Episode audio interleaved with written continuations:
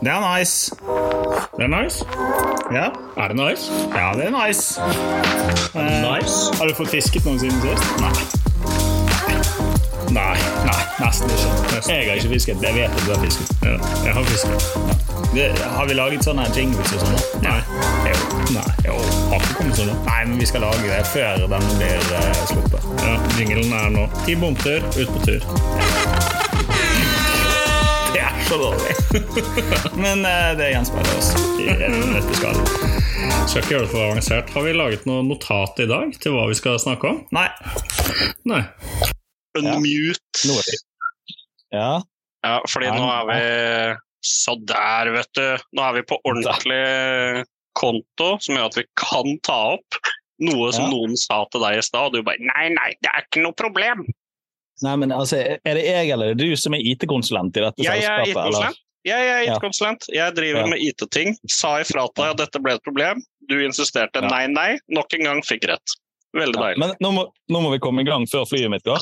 Ja. Eh, for jeg sitter på Gardermoen og skal fly om en liten time. Uh, det er litt bakgrunnsstøy her, så det får bare gå seg til. Men vi har med oss en gjest i dag som jeg er ganske excited about, fordi at jeg har googlet navnet hans. Og jeg skal komme med en ærlig innrømmelse, og det er at jeg eh, visste hvem Bilal var fordi at han fisker stor fisk. At han er en jævel på å synge, og tydeligvis styrer inn i det der kjendisgreiene. Det hadde jeg ingen peiling på. Men fruen hun ble jo sånn Å, gud! Og så sier jeg at det, det, det der er ikke greit, sier jeg. Uh, ja, du må google han! Men eh, Så velkommen, med det- Bilal. Hjertelig velkommen. Tusen takk. Og takk for at Eh, du tok deg tid. Det, vet du hva, en uh, skitprat om fiske, det har jeg stort sett alltid tid til. Ja, ja, men det er Det, nydelig. Det er, det er stort sett det hele denne podkasten er basert på. Er tull, fjas, fanteri og ta fisking ned et uh, par knepp. ja. Altså, for å liksom forklare det, nå vet jeg ikke eh, om du har hørt på eller fulgt med kanalen vår tidligere, men for å forklare det veldig kjapt, så er jo Team Bomtur det er et lag i Havfiskeren. Og så laget vi oss eh, en Insta-kanal for å dokumentere galskapen. Og så ble det plutselig en podkast, og så har vi hatt masse gøye gjester. Og så tenker vi altså, hvorfor ikke bare bygge videre på det og bruke det til noe fornuftig, og, og promotere fiske ut til Gud og hvermannsen, da. Eh, så det er jo det vi prøver på. Men det er jo nok, en eh, fantastisk plan. men det er jo nok om oss. De som hører på denne podkasten, vet jo nå hvem vi er. Hvem Ja. er du, Bilal? Ja, hvem er jeg? Nei, Jeg er nå en kauring som sitter oppe på Sørøya og eh, er veldig glad i å fiske. Eh, født og oppvokst inn i en eh, familiebedrift som holdt på med havfisketurisme. Og det har vi gjort i ja, 23-24 år, stort sett. Og jeg kan si at jeg sjøl vært, eh, selv vært eh, superinteressert i fiske fra jeg var en liten drit. Og da spesielt eh, eh, hva man skal si, landbasert fram til jeg var gammel nok til å få båtlappen sjøl, for at jeg var så jævla sjøsyk at det var ikke mulig å komme seg på sjøen. Men eh, når jeg var gammel nok til å ta båtførerprøven, så begynte jeg å utforske de greiene sjøl, og da var jo hjerneskaden komplett. Ja. Og, og siden så har det bare balla seg på, og alt som nå har eh, finner og gjelder, det er jeg gira på å prøve å få trødd en krok ned i kjeften på omtrent. Så det, det er digg. Ja. Hva er trikset når du er så sjøsjuk? Er det bare å tvinge seg gjennom det? Jeg trodde alle som bodde oppe i Nord-Norge var født med båt i rassa. Jeg kan love deg at det er så feil som det går an å få det. Men, eh, men ja, det er å tvinge seg gjennom det. Ja. Definitivt. Men, eh, men altså, vi, vi, må, vi er nødt til å ta det der litt mer sånn Nå, nå er det sånn spiker i bakgrunnen, her, og det får vi bare overleve. Ja. Uh, men men én ting er fiske. Vi må først kategorisere litt. Hva, du driver med noe Du har vunnet Stjernekamp, forsto jeg. Og jeg har hørt rykter om noe 71 grader nord i dag. Hvis Jeg snakket om deg på jobb, faktisk. Fortell litt Ja. mer om, om de greiene der. Nei, jeg har, eh, jeg har alltid vært eh, interessert i musikk. Og eh, begynte å satse ganske greit på det i sånn 2016-2017. Og i 2019 så var jeg med på Stjernekamp. Og og vant det. Og så begynte bare den snøballen å rulle ganske greit. Så kom jo covid da i 20 og ødela mye for den snøballen, men, eh, men eh, det har nå gått eh, ganske greit for det. Så jeg har vært i et band som heter Northkid i masse år. Nå har vi en liten pause på det, kan du si, men vi satser enda hver for oss og er enda gode venner på det. Og da er det neste prosjektet da, sånn soloprosjekt som står for tur. da, Prøve å få gitt ut noe musikk under meg da, som soloartist. Det blir veldig spennende. Og vært med på litt andre TV-greier og sånn, så så, men det er jo sånn, sånne ting som jeg i utgangspunktet ikke er så jævla interessert i sjøl, egentlig. Det, det, er mer, det er mer fiske, men, men uh, definitivt musikken, den, er, den står høyt. Det, det gjør den. Ja. Ja. Så hva er, det, det, du spiller i båten når du er ute og fisker sjøl, da? Å, herregud. Det er mixed bag, for å si det sånn. Der er det alt mulig rart. Det, det, er, som, det er som funker. Ja, vi har jo hatt med Cato Bekkevold her. Ja, det uh, regner jeg brått bare med. Ja, og da, da er det uh, da, da, går det fort i mye min stil med, når vi har med Cato. Eller altså når han, han Så lenge det var hardt og tungt og gikk han og fiske tøll, da var det bra. det hørtes ut som han Cato. Ja. Nei, for min del, jeg, jeg, hører på alt. Så det må gjerne være hardt og tungt. Det må gjerne være eh, lett og smooth. Det, må være, det får gjerne være funky, det får være avansert, det kan være lett som faen. Det, det driter jeg i. Det er bare Så lenge det appellerer til meg, så hører jeg på det. Og det er helt seriøst alt mulig rart. Ja. Så, nå er det nok tull, nå må vi snakke om fiske. Ja, enig. Er jeg har pinadø ikke blitt med på noen fiskepodkast! Men eh, hvis vi skal dra det rett inn i det altså, eh, Du snakker om turistfiske. Um, jeg har skrevet det opp som et punkt. Jeg har faktisk jeg, jeg har laget meg en liste her, skjønner du. Men uh, uh, ta, oss inn, ta, oss inn, i det med turistfiske. og Hva er det som er viktig for deg med turistfiske?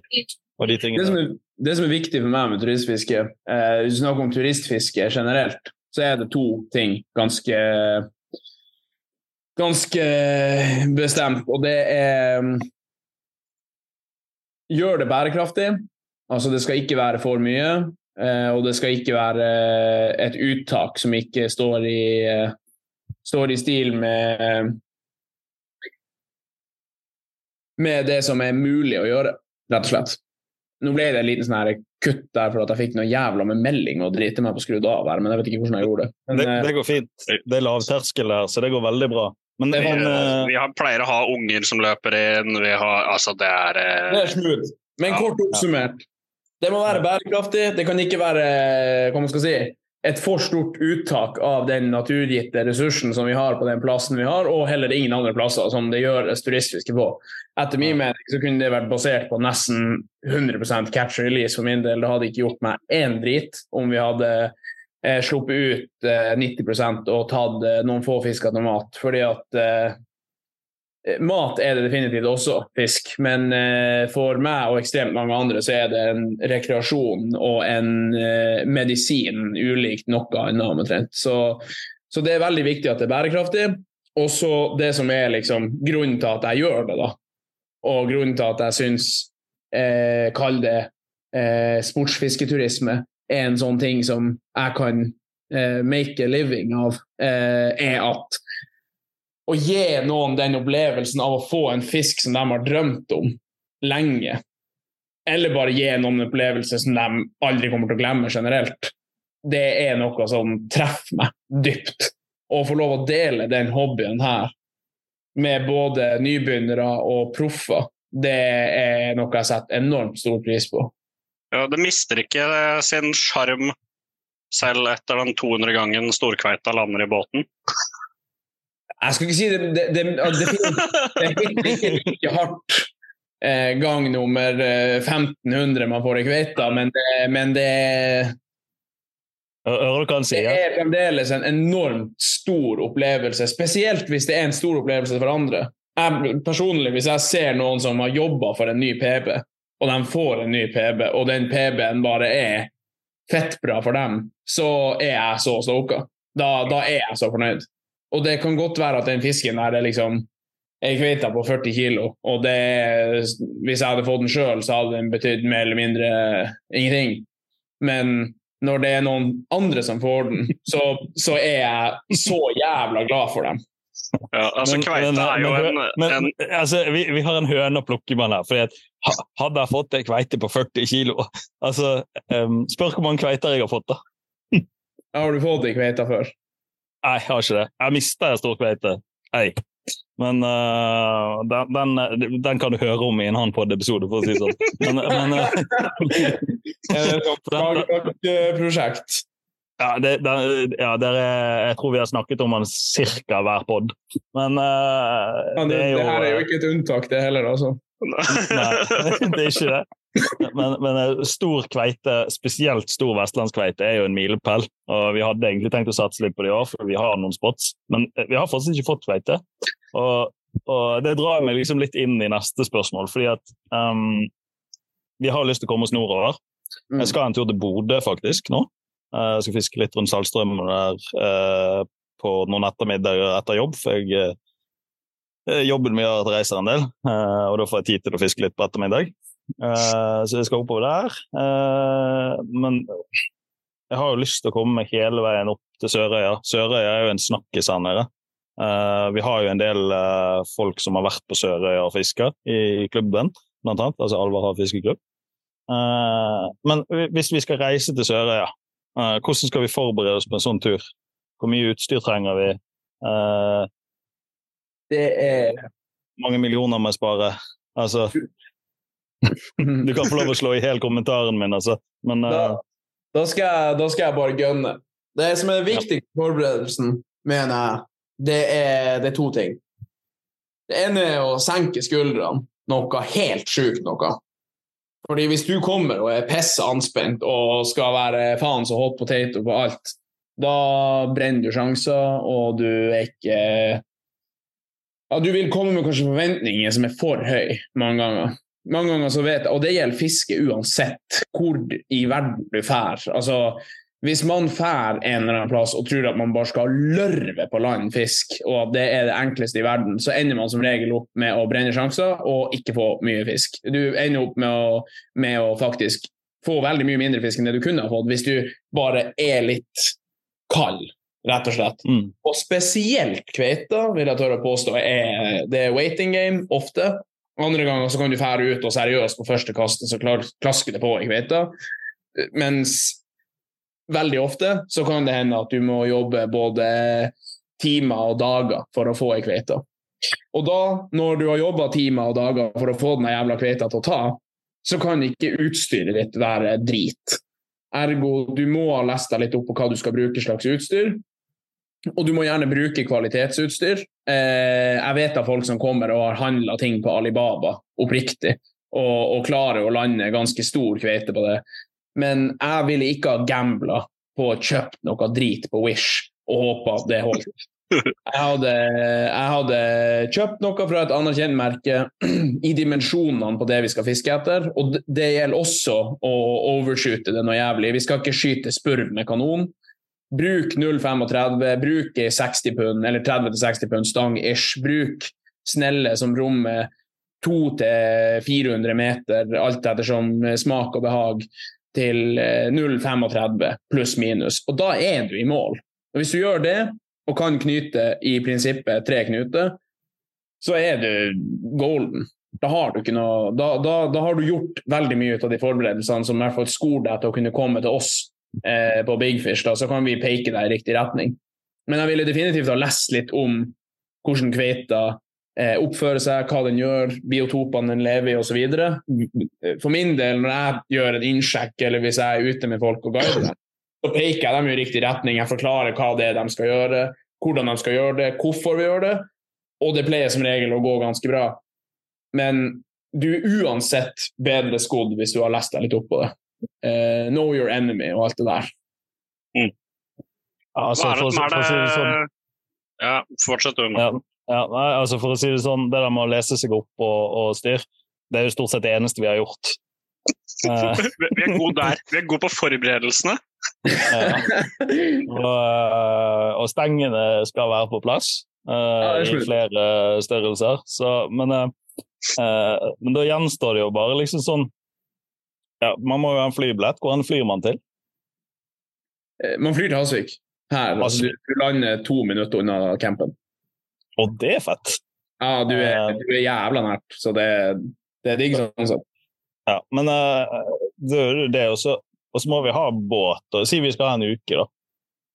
Hvis jeg skal lage meg et budsjett, altså sånn et helt romslig, ærlig budsjett eh, Jeg kan gjerne leve på nudler og Borg-pils, altså, men eh, eh, hvis jeg trenger et budsjett til å dra opp der og fiske med båt og, og styr, hvor mye må jeg Hvor mye må jeg tenke at jeg trenger da? Ja, nei, da må du Det jeg pleier å si, da, det er at det varierer veldig på hva du ønsker å gjøre, og hva du eh, Hvor mange dere, hvor mange dere ønsker å være i følge, og eh, hvor mye du skal slå på tromma. Og som du sier, hvis du skal leve på, eh, på eh, nudler og og, gjøre, å være sjølberga på matfronten og ta det billigste huset og den billigste båten eh, i ei uke, så kan du si at du havner på en plass mellom si noe da, Og dere, dere makser ut liksom, en båt og et hus. Så det minste huset vi kan gi, det er opptil fire pers. Eh, og den minste båten, eh, den rommer også fire pers. Da er det trangt i båten, men da kan du fære opp for liksom vet da faen, kanskje 6000-7000 per pers. Det er jo upåklagelig. Ja, det er, det er billig, men da er du virkelig på budsjettsida. Og for min del, altså nå skal ikke jeg snakke opp på, på eh, økonomien til andre og whatever, men for min del, hvis jeg drar noen veier, så liker jeg å prøve å ikke nødvendigvis gå for eh, det beste av det beste hver gang, eh, men jeg prøver å gjøre noe som i hvert fall er en god middelvei. Fordi hvis man går for budsjett, så ender du opp med å sitte igjen med en følelse av at eh, faen, jeg skulle gjerne hatt det. Og sånn som eh, Hvis du går på, for det billigste av det billige på, hos oss, da, så får du jo da Da har du jo rommet, eller ikke rommet, men huset delt på fire. Og det er greit. Huset kan man klare seg fint med, men da ville jeg ha tatt to båter, sånn at man har to båter istedenfor én.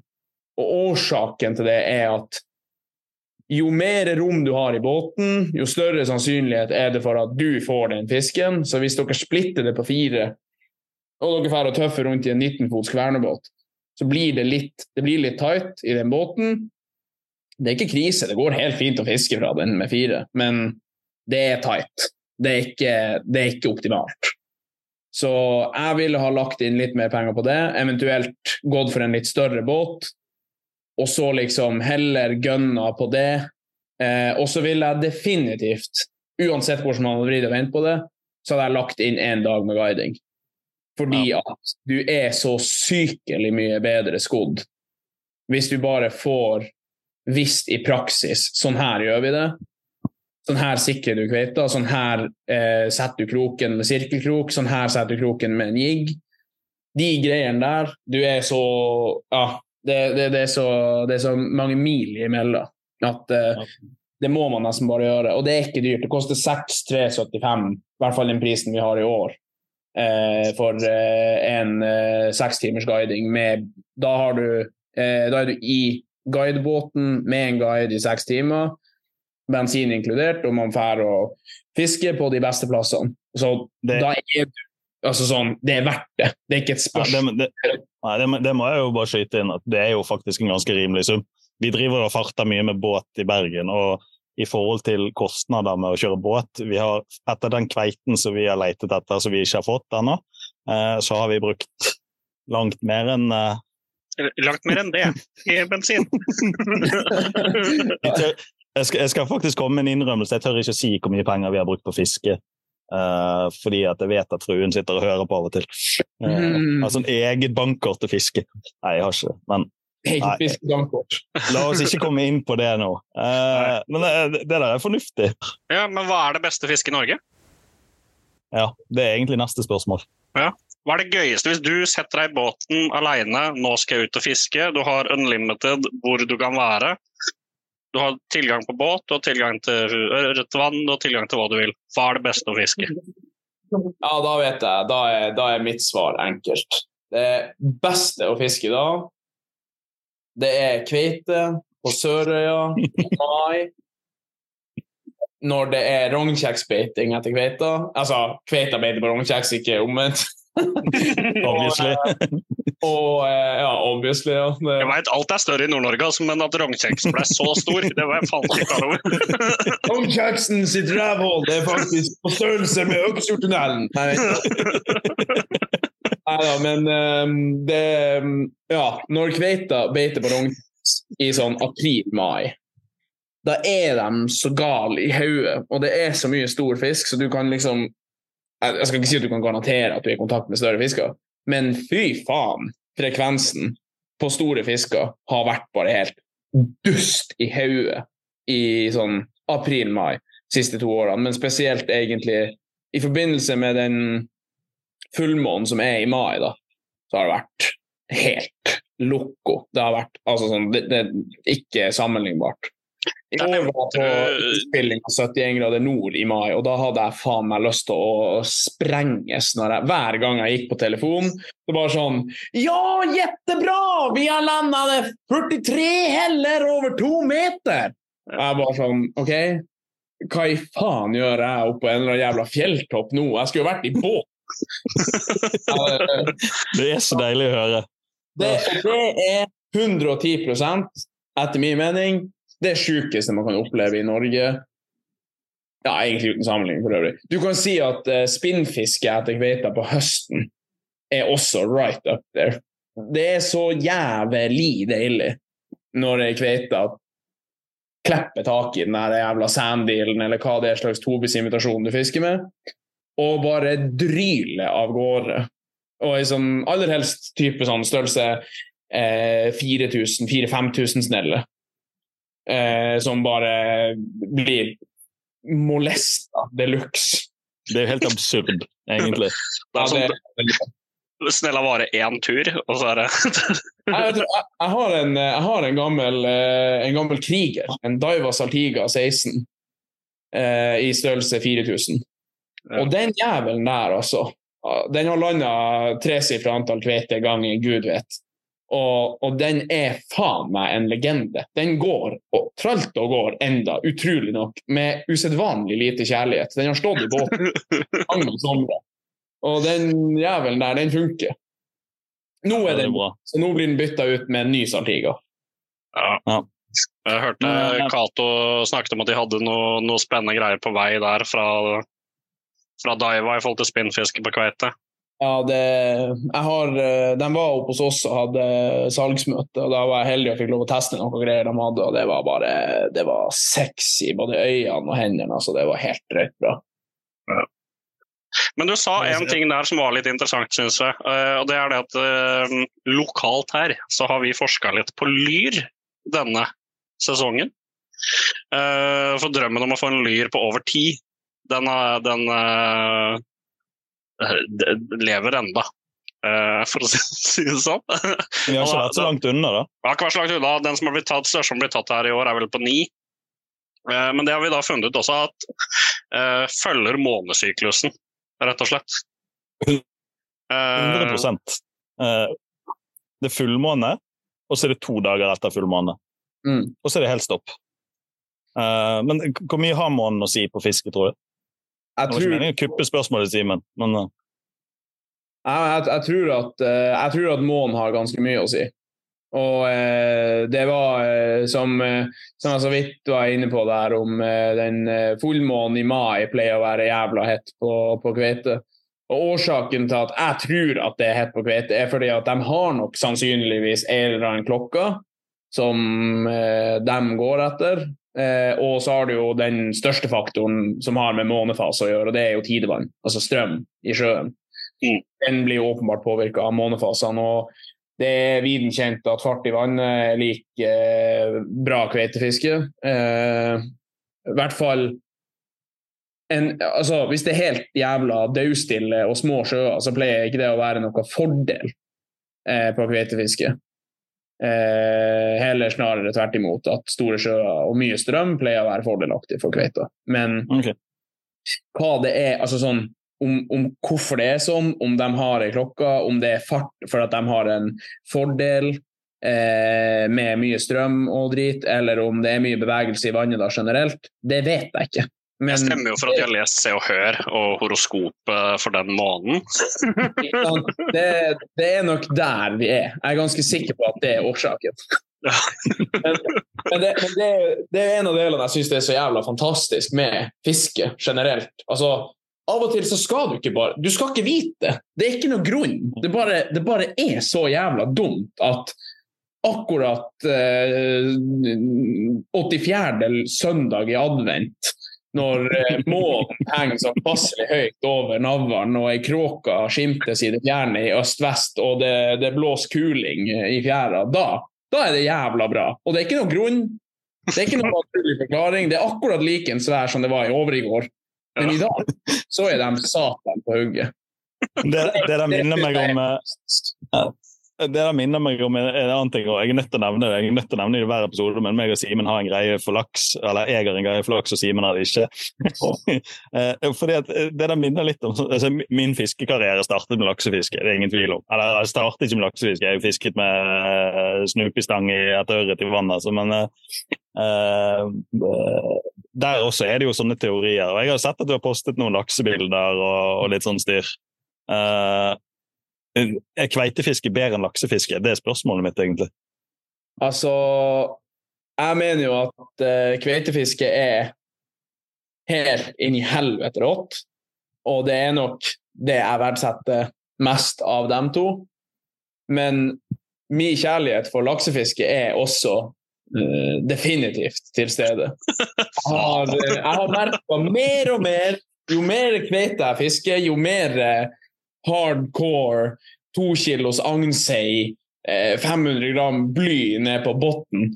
Jo mer det eksisterer, jo mer den her dumme idioten av en fisk klarer å ete en svær helvetes agnsei, jo mer jeg setter pris på å lirke ut ei flue i ei krystallklar elv på lite vann, helst, og lure, overliste den jævla laksen. Det syns jeg er ja, for, for, for, Det er noe for det som bare er så deilig. Med fluestang, da, riktignok. Det er It only counts. Det er i hvert fall på Viktig. laks. Jeg er helt enig. Men, men eh, hvis, hvis meg og Simen skulle planlagt oss en tur til, til Sørøya, kan vi fiske laks på Sørøya? Det er dessverre ingen av Dronning vassdrag eh, som, Yes! Som, har, som har laks. Men, eh, nei, men jeg så jo en episode av eh, Ikke en episode, en hel serie av eh, Bård Lars på fisketur. Det dro meg rett tilbake til 90-tallet. Det var så det, det var så bra å se på de to der. Å lage en ny TV-serie. Og det var liksom bare Det var Bård og Lars på nytt. Eh, like kleint og jævlig. Men de var jo fisket noe eh, svære med en, eh, med en fra samme region som meg, Bjørnar, oppi der. Mm. Men hvor henne var det de var og, og pjasket henne? Det er Det er man Er det en hemmelig elv? Ja, det er ikke bare hemmelig elv, men det er faen meg bedriftshemmelighet, holdt jeg på å si. Det er ikke bedriftshemmelighet, det er yrkeshemmelighet. Det er, for, det er hemmelighet i, i, i alle mulige varianter. Så la oss ikke gå inn på den der, for da sitter jeg med, med kuken i postkassa, som jeg sier. Det var på Vestlandet og ikke Nord-Norge i det hele tatt. Du, Filmet. Nå syns jeg du skal slappe av her. Vi, vi, har en sånn, vi, har en løsning på det. Hver gang vi får stor eh, blankfisk eller eh, et eller annet sånt, eller brunørret eller noe et eller annet sted, eh, og noen spør hvor hen vi har fått den, eh, så nei, det er Rylandsvannet. For vi har et vann som er litt sånn overbefolket med, med småfisk. Og hver gang eh, Det her har jeg holdt på med i mange år. Jeg har lagt ut i sånn type sånn på Facebook og sånn bilder av svær fisk, og så hvor hen er det? Nei, det er Rylandsvannet. Så står det 50 stykker og kaster ned i vannet den dagen etterpå. Det er så- prima. Det er, det er så enormt bra. Jeg syns det er artig med sånne der ting. Nedre pøsen og øvre pøsen. Og, og så har du han eh, Granbo og det gjengen der som fisker mye laks, og Mm. de har kvikkjokk og faen alt mulig rart. Det er så mye piss, og jeg bare Jeg elsker det. Men det jeg elsker enda mer enn det, det er når folk prøver å gjøre noe hemmelig, og så finner man ut hvor det er. Og fy faen! Det, det, det, det, CIA kan bare ringe meg, for det der driten der, det er jeg god på. Fy faen, hvor Jeg, jeg, Vi, der har Martin også en ganske Yes. god OCD gående, for han har da sett et fiskebilde. Og nå driver han alle ledige stunder, farter rundt, tar bilder av odder for å sammenligne med det opprinnelige fiskebildet, for å se om han klarer å finne plassen. Okay. ja, altså, jeg, skal ta, jeg skal forklare dette, fordi eh, vi, vi har vært inne i uh, havabborfiske. I år så har jeg Det høres ut som en Det er en sånn ting du kan bare Du kan drepes på å hente info der. Jeg, jeg har hatt, jeg har hatt ja, i overkant 300 fisketimer etter havabbor i år. Jeg har fått én fisk. Herregud. Ja, og, men, eh, men nå har vi, vi har en uh, i området der vi bor, som vi vet at kan sitte seg i skjærgårdsjeepen sin med en 50 hester på. Kjøre i kort avstand. Finne den havabboren. Han har, ja, er, han har hatt med seg en på tur. Han har tatt et bilde. Der er det bjørk Nei, ikke bjørk. eh, Furu, rett furuskog i bakgrunnen. Eh, solen skinner inn fra morgenen bak furuskogen, så jeg vet hvilken retning det er. Så jeg er så langt unna å finne det stedet nå. Du har, ikke, du, du har ikke tenkt over at det kan være at det er bare du som ikke er noe psyko-god å fiske havabbor, hvis du har lagt inn 300 timer etter en havabbor og fått én? Ja, men jeg vet om en som er minst like dårlig, og det er Simen. Og han har fisket vel så Her, ja! Det, det blir ikke, det blir ikke fiskepod uten litt Benter. Litt Det er noe jeg også skal legge inn at jeg har fiska, fiska kanskje fem timer etter havabbor i mitt liv, og jeg har fått en. Unnskyld, jeg må bare klø meg litt, for dere som ikke ser den. Faen. Ja, Nei, vi, vi spiller spiller ikke inn inn denne video, men nå ble det langt. Uh. Eh, altså, Havabaren har uh, i mitt hode Den eksisterer ikke. Altså, den fins ikke. Uh, det går ikke an å få den. Eh, for vi, vi møtte jo opp da på det stedet hvor Martin fikk sin. Et uh, par timer etter at han fikk sin, da var det borte. Borte vekk. Men, det, men når det skal sies, da. Havabbor er jo Det er ikke noen enkel fisk. Det er, men den er, den er også sånn her Jeg tror Nå har ikke jeg fiska mye havabbor, og jeg har ikke satt meg veldig inn i den.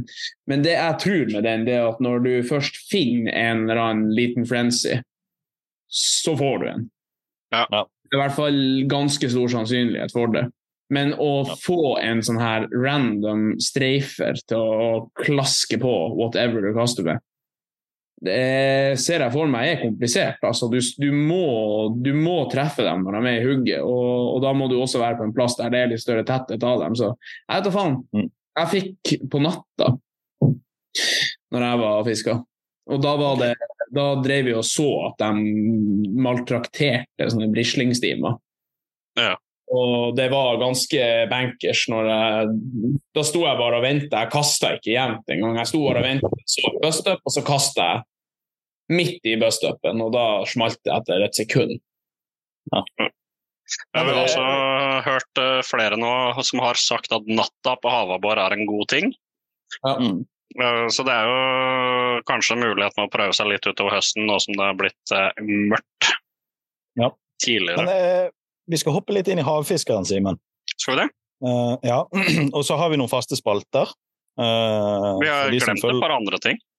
Eh, har- Ja, jeg har skrevet opp en del spørsmål, men det er ikke Ja. sikkert alt er relevant. Jo. Men, uh, men ja men, men jeg skal hoppe inn på havfiskeren, fordi at eh, Jeg regner med du kjenner til havfiskeren? Ja. Eh, fordi, ja, fordi at du ligger inne der med på, på eh, å si, Hall of Fame eh, under rekorder Ja. på torsk. Så du har per definisjon den største torsken fanget i havfiskeren siden havfiskeren startet. Det er faen meg ikke dårlig. Nei, nå har du bare vært oppe i et, år, to år, to år, ett år, to år. Jeg husker ikke. Tre. tre. Tre år! Fy faen, Ja. tre år siden første. Dæven. Ja. Nei, jeg var med første året. Og da gikk jeg inn for å vinne den der havfiske-grand slammen, som da var torsk og Som var torsk og sei og kveite. Ja, det fikk du til, regner jeg med. Ja, jeg tror jeg gjorde det. Jeg Ja, sikkert med god margin. Jeg tror jeg var det. Men det var, da var det også, da var jeg litt snurt, for da fikk jeg kveita på 182 sankt, som ble klippet til 170. Æsj.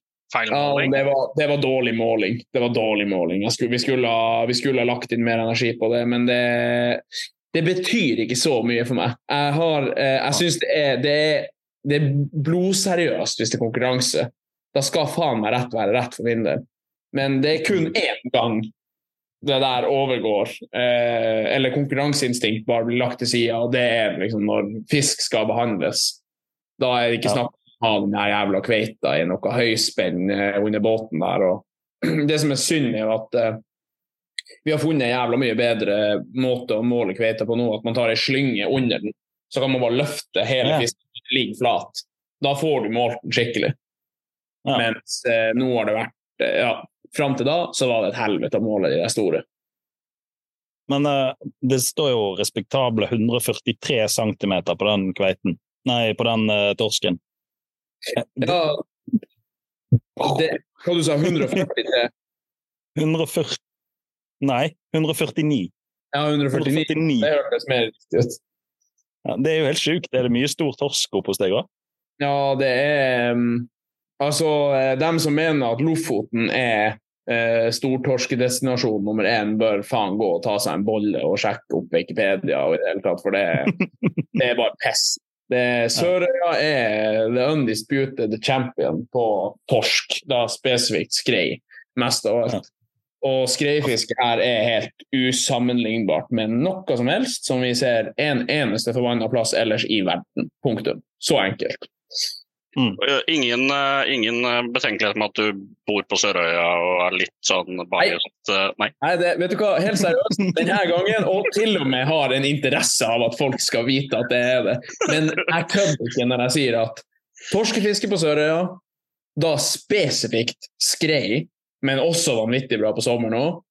Men skrei på Sørøya i mars, det er det beste i verden. Punktum.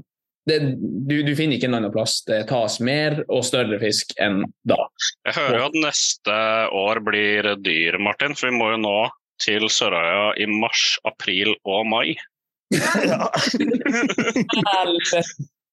Hvordan dere skal søke om fri der? Er er det mye eh, Dere trenger jo mye lys og sånn der oppe på vinterhalvåret. Jeg driver og selger belysning og sånn. Ja, der.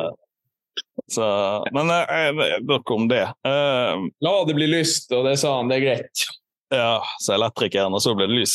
Nei, ikke, hver- ikke, ikke hver gang, da, men eh, Prøve å ta noe sånn Eh. hjemmekontor i tre måneder på Sørøya. Vet ikke helt hvor effektivt det er, men eh, hjemmekontor Det spørs altså Sier du hjemmekontor eh, på bergensk, så kan det bety å gjemme seg eller å være hjemme. Potato, potato. Eh, men eh, tilbake til Havfiskeren igjen. Skal du være med på Havfiskeren 2024? Jeg vet ikke.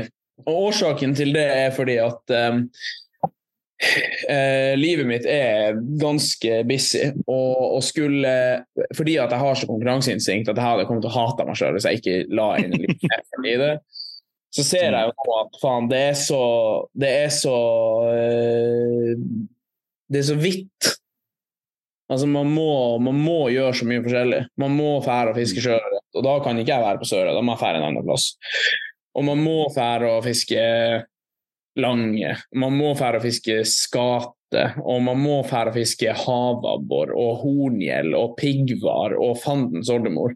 Det er flere av de der jeg kan få eh, garantert 100 poeng på på Sørøya. Altså sånn Kveite og torsk, de er bankers. Det er så enkelt det er det. De, de fins. Så har du sei, de finnes òg, men de, Rødspette? ja, rødspette den er jo 110% på den nye plattformen. Sandflyndre, den er også bankers. Altså sånn Jeg kødder ikke. Når han Daniel var her, så for vi ut i Jeg vet da faen om vi var i en og en halv time, og vi hadde tre-fire sånne 40 pluss Ja, det er eh, sjukt. Det var sånn ah, OK, vi orker ikke legge inn mer tid i det her nå. Nå får vi å gjøre noe annet. Ja. Eh, og, det er, og, og, og det er også mars.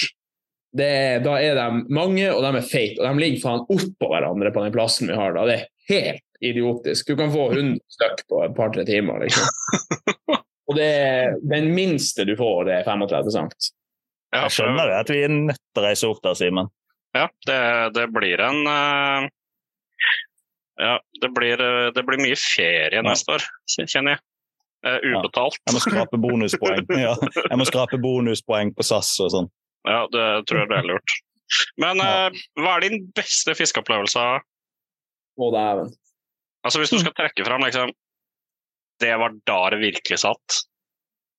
Du skal møte noen for første gang og fortelle dem om den ene gangen du fikk den ene fisken som du hadde drømt om siden du var Ja, hvis det er den ene fisken, så er det passionen min på kveita.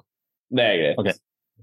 Det, det er blunke en jævla gang. Da var jeg ute med min eh, beste bud, en som heter Hans Christian eh, Andersen, som er eh, født og oppvokst med her ute på Sørøya. Og vi har eh, fiska veldig mye i lag og utvikla oss mye i lag som, som kveitefiskere. da. Og vi hadde lagt inn flere år på å få liksom den kveita. Og det er jo over 200 sankt som er liksom den kveita. Og så en eh, vakker julidag i 2019 så smalt det, og da smalt det noe så for jævlig også. Den har en offisiell måling til 2,09, men den var jo målt som en banan, den jævla kveita. Så at den var 2,20, 2,25, noe sånt, det er ganske sikkert at vi har en 10-15 cm å hente på den der, det er jeg ikke i tvil om. Det var ikke på ei 4000 snelle, det. Nei, det var, det var på en Westin V8 seks eh, 6 fot 6, 60 pund. Eh, 0,28 Diver J-Braid, faktisk. Og en. Digging Master Power Spell P4. Og tru det eller ei, 0,88 nylon. Både, både fortom og sjokkfortom fra, fra blylodd og ut til sirkelkroken. Og da hadde jeg altså Jeg hadde ballene i halsen i 50 minutter mens jeg holdt på med den kveita der. Det hvor, er, hvor lang tid tok det å dra det opp? nei, altså først så knota vi jo noe usedvanlig mye, og det var liksom det høres så jævla noob ut, det høres så rookie ut, men jeg var sikker på, helt forbanna bombesikker på at jeg satt i bunnen. Fordi at uh, den tok, og så suste den av gårde. Bare sånn dritkort utdra. Sånn jeg vet da faen. 15 meter, 20 meter, noe sånt, maks. Eh, det er ikke et dritkort ut- utras, men det er ikke det du forventer når den eh, 140-150 kilos fisk knaller på. Og så var det liksom ikke noe sånn Det var ikke noe storfisk eh, Kall det atferd på det utraset. Det var bare sånn OK, og så stoppa det. Og så begynte jeg liksom å pumpe, og så bare Bom stopp. Å, faen. Ja, nå skjedde det et eller annet. Og på den plassen der så er det ganske mye tareblader. Så jeg var helt sikker på at den fisken her svømte rundt et tareblad. Så det vi prøvde på, var bare å liksom kjøre i ring, i ring da, rundt det der det vi trodde var et tareblad, for å få den av det der jævla tarebladet. Så vi sto og kjørte som en idiot i ring rundt der. Og det satt jo bom helvete fast. Og da hadde jeg nytt snøre på, så jeg torde å legge mye press på det der jævelskapen. Og skjønte ikke, jeg tenkte bare noe faen. Og jeg sto og loada den stanga ut av bare F. Og så tenkte jeg ok, her er det noe muffins. Så vi bare stoppa når eh, båten var rett over snøret, så snøret sto rett ned. La jeg makspress på den stanga, det jeg torde med snøret og det setupet der, og så bare sto jeg og holdt. Og da står du og holder, og så tikker det ut en centimeter eh, eh, i sekundet typ, ut, av, eh, ut av snella. Og så sveiver du bare ned igjen når du har stått og holdt det der lenge, og så legger du press, og så sveiver du ned igjen. Og så ser jeg liksom, faen Det er akkurat som jeg har fått noen centimeter, noen, noen, kanskje, kanskje 10-20 sankt. For den det, det har sånn metersmarkering på den J-braden. Og så så jeg at den flytta seg på den nærmeste stangringen. Mm. Og så sier jeg faen, har vi drevet langt? Så snur jeg meg og så ser jeg på kartet, og så har vi flytta oss 50 meter, og snøret står fremdeles rett ned. Og da begynte vi å legge to og to sammen, og så mens vi liksom bare sånn, faen det må være en fisk, så ser vi på ekkoloddet, og da kommer det ei markering som er så tjukk som lillefingeren min. 33 meter, 33,6 var det. Jeg husker det bildet der så inn i helvete godt i hodet. Og så kommer det et headshake som var så bort i helvete at det var helt grusomt. Da var det bare sånn Stanga bøyde seg enda dypere enn det den gjorde. Og så vi hadde den helt slakk, og så var det bare rett ned i. Å, fy faen. Og da var skankene til unge lovende Saab gelé i de resterende 40 minutter av den fighten. Og da, liksom, det var ikke før da jeg skjønte at ok, her er det en jævla svær fisk, du må legge press på den, og du må gjøre sånn og sånn. Jeg, jeg, jeg bare Jeg kosta ikke det at det der kunne være en fisk, den tanken, fordi at det var så rar atferd. Og den oppførte seg akkurat sånn resten av fighten. Den gjorde ingenting etter headshaket. Den var bly helvetes tung. Jeg fikk den opp til ca. Ja, fem-seks meter, så så vi jo bare den jævla låvedøra ved kveita nedi der, og så bare seig den ut. Den gjorde ingenting. Vi så liksom bare at den Den bare bikka på hodet, og så bare tok den ut ti kilo brems uten å gjøre en dritt. Ned til bunnen. Og så måtte jeg få den til, til overflata. Og når vi da sikra den, så han, kompisen min sikra den, da, og jeg brølte så hardt at jeg holdt på å svime av. Jeg, jeg husker jeg så stjernene og bare datt i norsken. Fy faen, hva skjedde nå? liksom? Det var, det var helt jævlig. Så det var, det var den. Og så har jeg en dag med han eh, Daniel han eh, Daniel Andersen, som har vært på poden, og som er en, eh, en av mine beste venner. Og eh, vi var ute i mai i 21 eh, og fiska. Ja, det var i mai 21. Nei, for faen, det var i fjor. 22. Mai 22. Og da var det Det var første gangen vi hadde det her liksom det absolutt sjukeste av det sjuke kveitefisket som vi har hatt de siste tre årene, egentlig, eh, i sånn mai. da. Men da, hadde vi, da, da begynte vi å skjønne hvor og hvordan vi skulle gjøre det. Eh, og alle campene klarte det samtidig. Med, vi samarbeida for å finne ut der, da. Og da hadde vi først Den ene dagen så hadde vi ikke så mange kontakter, men de fiskene vi hadde på, var møkksvære. Eh, jeg mista en gris som tok en, en agnsei som var kanskje tre kilo. Tre og en halv kilo, noe sånt. En helt jævla enormt stor agnsei, og den tok, og, og jeg hadde den på i kanskje 10 sekunder, 15 sekunder, og det var bare Det var samme som den følelsen det var når jeg hadde den her persen min på. da. Så datt den av, og så var det jo hyl og skrik i båten der, og Daniel måtte trøste meg, og jeg lå og på fosterstilling og tenkte HLR og i det hele tatt der, så Men det var, det var noe greit, så var det ferdig, så fikk jeg meg sånn trøstekveite på 50 kilo etter at han Daniel hadde fått det på to meter, så det var litt sånn Det var en ganske sjuk dag. Og rett før det, altså typ ti minutter før han Daniel får ski på to meter, så sikrer jeg det som da var ny camprekord eh, på kveita hos oss, som var 2,36 meter og 36. Å, fy faen, det er svære dyr.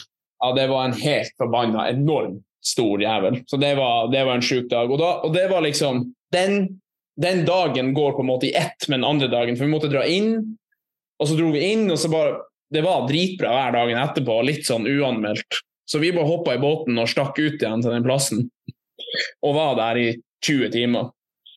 Og på de timene så tror jeg vi hadde vet da faen, vi hadde seks eller syv fisker over 40 kilo. Da hadde vi på 179, 177, 171, 168, 163, 155 og 152. Og det var bare sånn, det var bare sånn Hva er det her for noe? Og det verste var at vi var vi var nesten litt misfornøyd, fordi at alle rundt oss fikk tometersfisk. Og det var ikke så nøye egentlig med de der som var 40 til 70. Fordi at vi ville bare ha en tometersfisk. Og dagen før så hadde vi sikta den her på 2,36. Så den første fisken vi får den dagen, var 171, og den fikk han Daniel. Og vi var sånn Æh, fy faen, hvor stor den her er? 150, liksom. Tok vi slynga, så begynte vi å løfte, og begge bare sånn Hva i faen er det her? Den, er vi blitt pudding av begge to, liksom? Den her er jo ikke så stor. Og så måler vi den, så er den jo faen 171. Men vi trodde den var kanskje 150. Da ble det helt blink.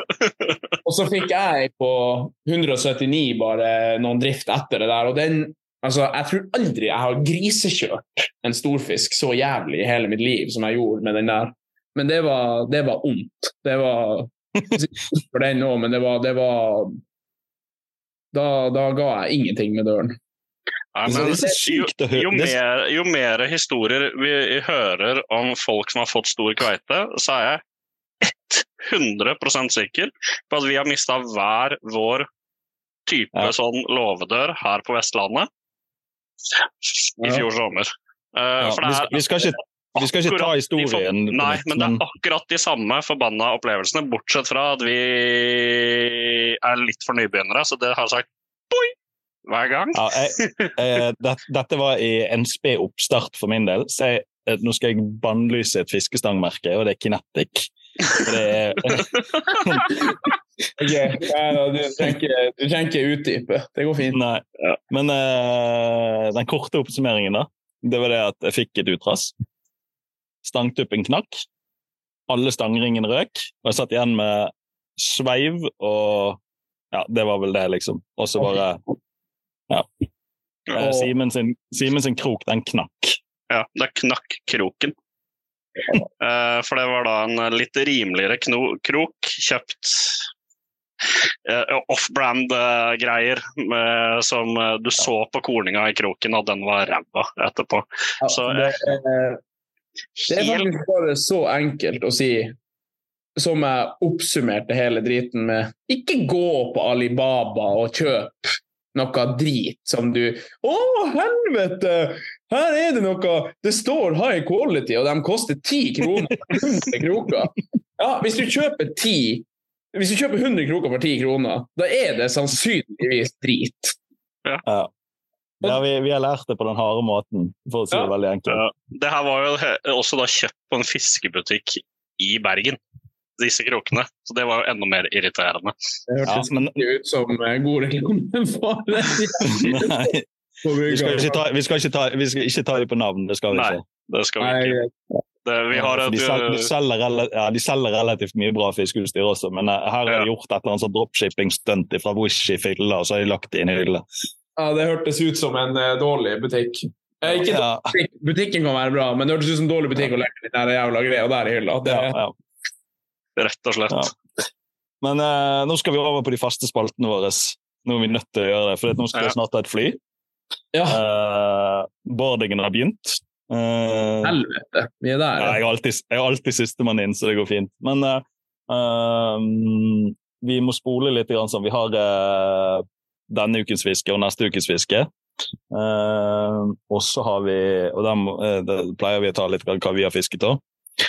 og så har vi eh, ukens utstyr. Og jeg tenker Der skal vi få slippe deg til. Uh, og så kjører vi en liten oppsummering. Men eh, eh, vi kan jo begynne med deg, da. Eh, denne uken har du fått fisket noe i det siste? Jeg var og fiska kveite i går, faktisk. Du var det, ja. Ble det kveite? Jeg fikk fire. Fy Faen, det blir så provoserende. Jævlig irriterende. Ja, jeg var ute en liten tur her og fikk bare 28 skveiter på over eh, 1,50. Det var eh, småsaker. Det var ja, i går. Det var, det, var, det var ikke noe monster. Den største jeg fikk, var 123 cm. Ja, det er nå trøst- 123 cm større enn meg. Ja, det, er trøstefisk, det er trøstefisk, Simen. Ja. 123 cm trøstefisk. Ja. ja. Men, Men eh, eh, kommende, kommende uke, hva, hva står på planen? Er det, en, er det noen som er ute og skal ha guida tur eh, nå i høstmørket? Akkurat nå så har vi faktisk eh, tom camp. Det er, nå nærmer vi oss veldig eh, siste innspurt eh, på sesongen. Eh, jeg har eh, Nei, for faen, jeg har guiding neste uke! Psyk! Eh, så da skal jeg ut og Da skal jeg ut og Jeg skal faktisk ut og filme en pilot Oi? Oh, til et potensielt program, så det kan bli interessant. Ja. Gøy? Um, og da skal vi fiske kveita. Og det kjenner jeg at jeg gleder meg noe helt for jævlig til, for nå er vi nå er vi der at eh, det kan klaske på sånne pene fisker på sånn 50 til 50 til 100 ganske frekvent. Og det er det er det jeg bryr meg om. Altså, det Hvis jeg skal fiske i dag, så, så vil jeg ha de der over 50. Det det, det, det, det, det, det, det er deilig. Det ligger uansett hva i helvete. For den jævelen, den som er så syk og sier at Nei, det er ikke så artig med, med 150 cm med kveita. Den tok bare fire utras til bunn. Ja, da, da har du slått deg. Da har du Da har du Du, du da, Martin, skal du fiske? Har du fiska? Ja, jeg har fisket, og jeg har fisket på de jævla regnbueørretene igjen. Eh, Det er, vi, det er vi ferdige å snakke om i denne poden. Det hadde vi, Ja, hatt- jeg det hadde vi hatt et oppgjør med i forrige episode. Men jeg har fisket, og jeg har fisket regnbue. Jeg skal ikke snakke noe mer om det. Jeg fikk fire stykker i går. Um, og så har jeg vært en tur og fisket med lokale agnfiskeren vår. Han fikk seg en lange på hel sild, som var seks-syv kilo i, på mandag. Nei, jo, mandag. Eh, så det var fint. Eh, jeg, fikk, jeg fikk faktisk guidet han litt. For, altså, han er garnfisker. Han fisker liksom, han er alltid han er yrkesfisker. Men jeg har alltid fisket med garn, aldri fisket med stang, sånn spesielt sånn mye. da. Eh, og så knøt jeg på fireball og hel sild og styret og stelte med det, og lovet han stor lange. Og så, Han fikk jo ikke stor lange, da, men han fikk en lange. Han var kjempehappy. Uh, uka som kommer Jeg er litt usikker på hva jeg skal fiske, Eh, men jeg skal fiske. Jeg må plukke noen poeng. Jeg må gå forbi Simen på Havfiskeren. Eh, så jeg må hyse. Eh, og så må jeg kjøre et. Og så må jeg ha um, sandflinderen må jeg plukke. Eh, ja, jeg tror hys, var veldig kjøre på sand... mye, veldig mye den samme listen som forrige uke. Nei, kjøre Nei, på det- sandflynder du har og jo- Du har jo eh, jævla gode muligheter i, eh, hvis du skal til Bodø nå og prøve deg etter sjøørret, blant annet. Det er veldig greit at du påpeker det. Uh, og ikke bare etter sjøørret, men jeg har jo en som bor i Saltstraumen som har gitt meg en kveitegaranti. Har gitt meg torskegaranti. og gitt meg steinbitgaranti, uten, vel å merke utenfor Saltstraumen. Eh, så, så jeg tenker jeg skal gruse Simen ganske godt der, altså. Men det er først om fire uker, tror jeg. Tre uker. Det, jeg- det jeg vet, er at uh, utlovt kveitegaranti det er inn i helvete skummelt. Oi! Det er Den er Ja. er det der, Med en gang han begynner å snakke om sånn garantier, og sånn, så vet det, det sitter bare og tar det helt lugnt. For da får han ikke en dritt. Så det er helt greit. Bryr meg ingenting. Ja. Får Jeg skal, ha med, meg- jeg skal ha med meg sekk. Jeg skal ha banan i båten. Eh, jeg skal ha at kjerringa ikke har sett deg de siste Ja. Alle er inteteksisterende. Ja. Tvert imot eh, Daniel Andersen sin metode, som var bare å ha ei dame i hver havn. Så gikk det der helt fint. Alt i orden. Herregud, det hørtes ut som han uh... Men, uh, Det, det var Daniels insidertips til hvordan bli en god fisker. Ja, det, ja, det mener han, ja. Han, har, han legger ingenting imellom sånn her type fuckings 1000-2000 eh, timer på sjøen i år. Nei, det er ikke så nøye, det. Du må ha ei dame i hver havn, så er Det er så jævla sprengt. Altså, Men du da, Simen? Hva har du fisket? Jeg har eh, vært og fisket sild. oi, oi, oi. Oi, oi, oi. Nei, vi har funnet ut at eh, vi har, Jeg har vært og prøvd på å leite etter norgesrekorden. Eh, den er der. Eh, fordi snittvekta på den silden vi får, er over 500 gram. Så at det svømmer én dust der på litt over 700, det må det gjøre.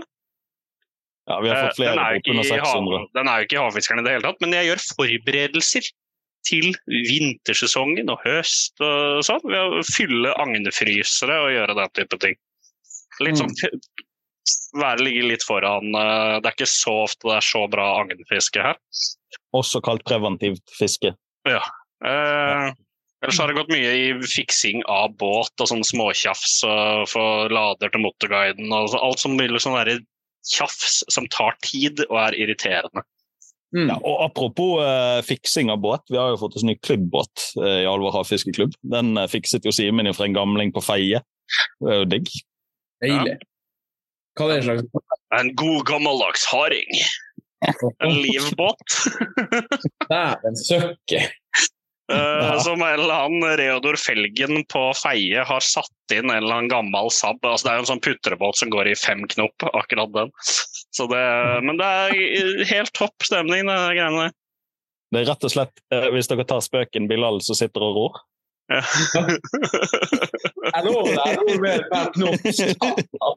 Mens Det kommende fisket, så er det kommende fiske så er det spissgate. Uh, kan klatre Gitt det snittet som Seberg-gutta fikk i dag, så kan jeg klatre 30 poeng på spiss. Oi, oi. Og det er jo noe Og da har jeg spiss på, på 90 poeng allerede. Så det bør være mulig å gjennomføre. Nå er det meldt, altså Den helga her på Vestlandet er meldt null vind, strålende sol og ti grader. Så det er liksom ingen grunn til å være med på fotballcuper og treninger og sånne ting. Her er det bare rett ut i båt. Ja, det er Så viktig. det er egentlig nå det som står på menyen her nå, er egentlig bare å å krysse av den på, på godt over eh, Jeg skal ha 120 poeng på han fordi derfor. Jeg skal knuse Endre Hopland på spissgate. Ja, sagt. en Endre som har, eh, som har 120 på spissen. Nei, men han de fikk i dag, jeg var det? Det var, han var 134 cm, så han er vel på 113-15 poeng eller noe sånt i den gata der. Vi fikk fem stykker. spisskatt, og det er ikke 120 poeng. Det er ganske bra. Det er, det er bra snitt på avfisken i år, da. Ja, Det er helt, Altså- det er helt avsindig sykt, faktisk. Hvis Altså- du går inn og ser på poenglista der. poenglista Når han, eh, Daniel eh, var her oppe, så satt vi og så litt, fordi at jeg måtte liksom bare Jeg måtte gi han en liten sånn her bro-runk, bare for å det, det der jævla poengsummene han har, er jo bare så dust i hodet at det er, det er helt drøyt. Ja, men det er, det er 2000 timer og mye reising. Jo, jo, jo, jo, uten tvil. Han har reist. Men selv med liksom sinnssykt mye nedlagt tid og mye reising, så skal du ha både en god dose erfaring og flaks. på Ja. det. Mm. For det er bare sånn eh, du, du snakker liksom fisker i, i NREC-klassen på Mm. masse av de jævla artene der. Ja, Det- det, det, det er helt vilt. I hvert fall i riktig kondisjon, da. Ja. Men eh, jeg kom jo med et stikk i forrige podkast til eh, Daniel der, fordi han satt jo på pod her med oss eh, for, en del, for noen måneder siden og insisterte på at han skulle ha 112 i snitt. Han var til og med inne på at han skulle ha 118 på et eller annet tidspunkt. Eh, men nå ligger han jo da på 111,55 sist jeg sjekka. Ja, og Eh, Simen det- hvisket seg noe jævlig på forrige innspilling. Så, Eh, så det spørs vi om, eh, venter egentlig på svaret til, til Daniel, altså.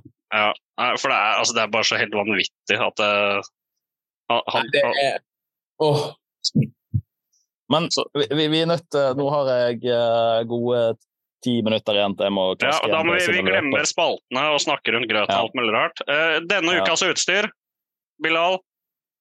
Et uh, utstyr uh, brukt i fiske som du vil trekke frem i lyset, som alle må kjenne til. Mm, er det da et spesifikt merke, eller er det et, et kan være Nei, og du utstyr, liksom? Det, som er det kan være en månekikkert. Uh, nei, det må være relatert til fiske. Det kan være en båt. Det kan være ja, en månekikkert er det på her at du tar en tommel opp, og plutselig så bare kommer det en tommel opp ved siden av. Det.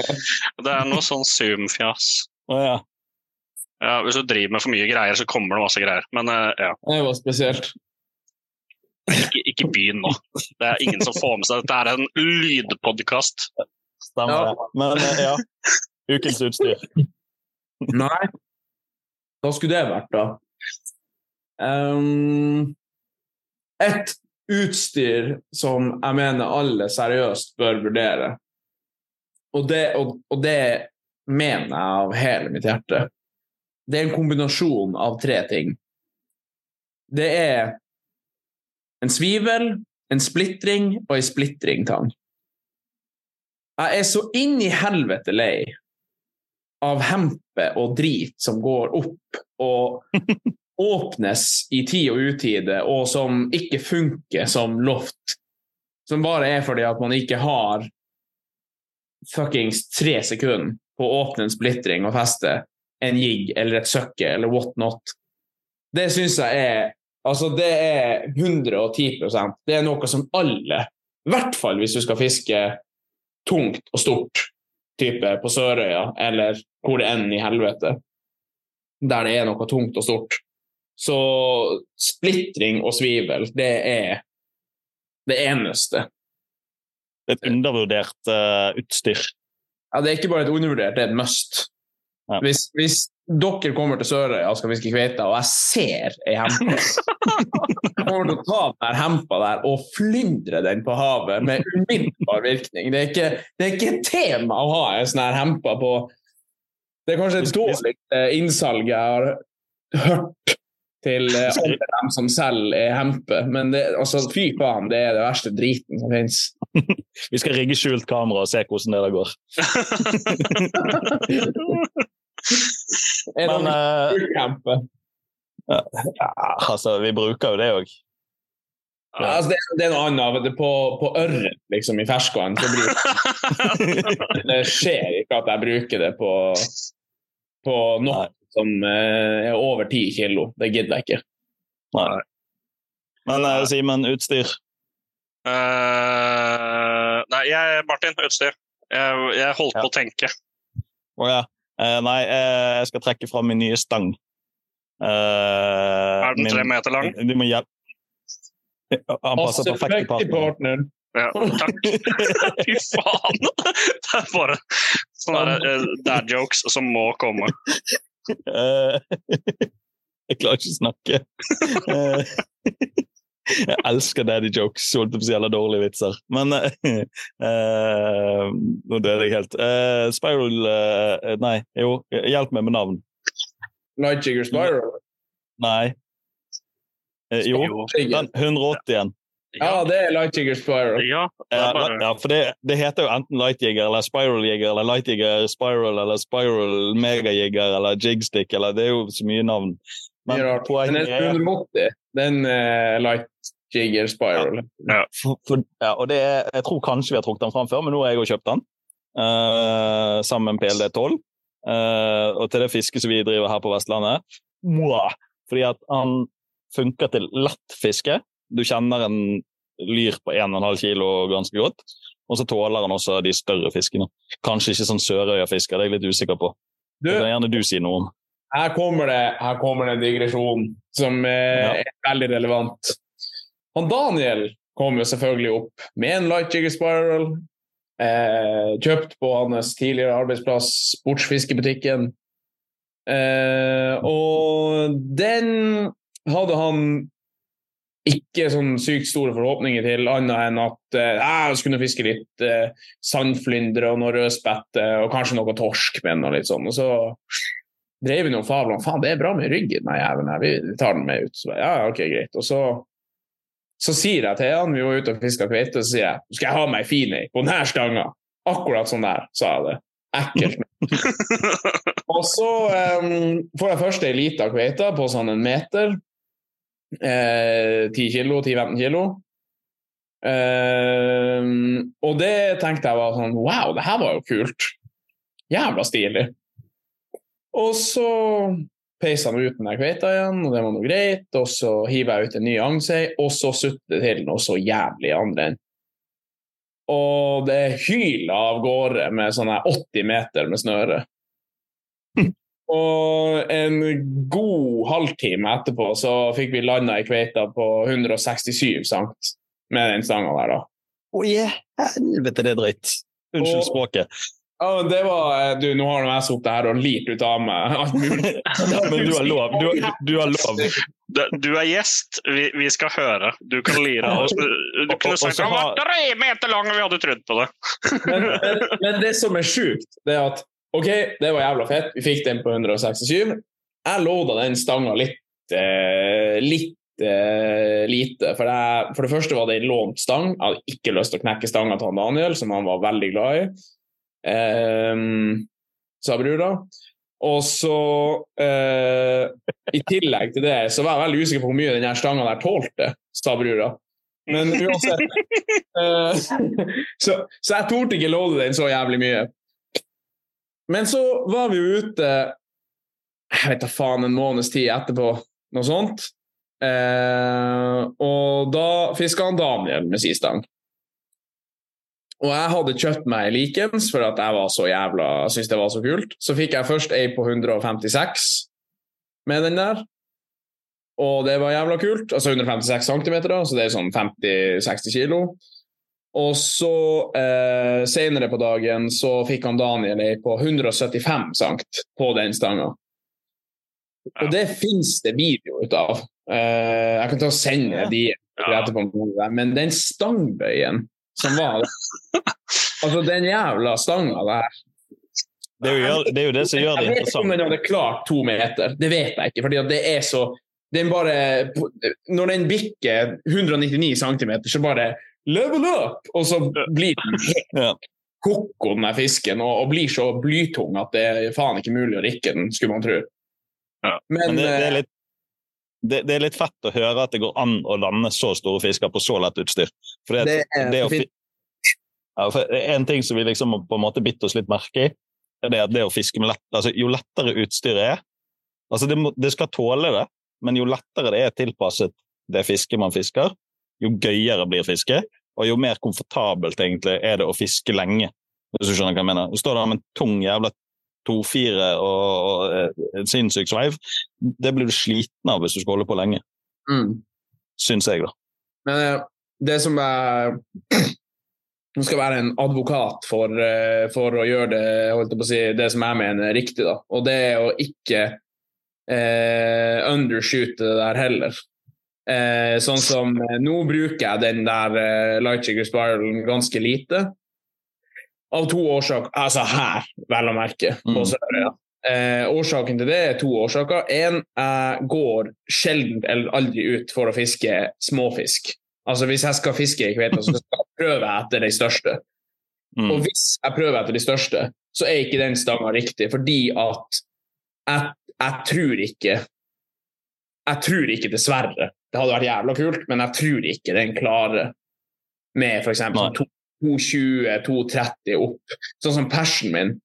Den tror jeg bare kunne ha glemt å lande den der fisken der med den stanga der på under to timer. Og det Hvis du holder på i to timer med en fisk, da gjør du ting feil. Eller så, Mm. så legger du ikke nok press på den, eller at stanga ikke klarer å legge mer press på den. Men alt over liksom 30-40 pund skal du klare å legge såpass mye press på den at du skal lande den på under en time. I hvert fall. Ja. Men så har jo de jigstick, da.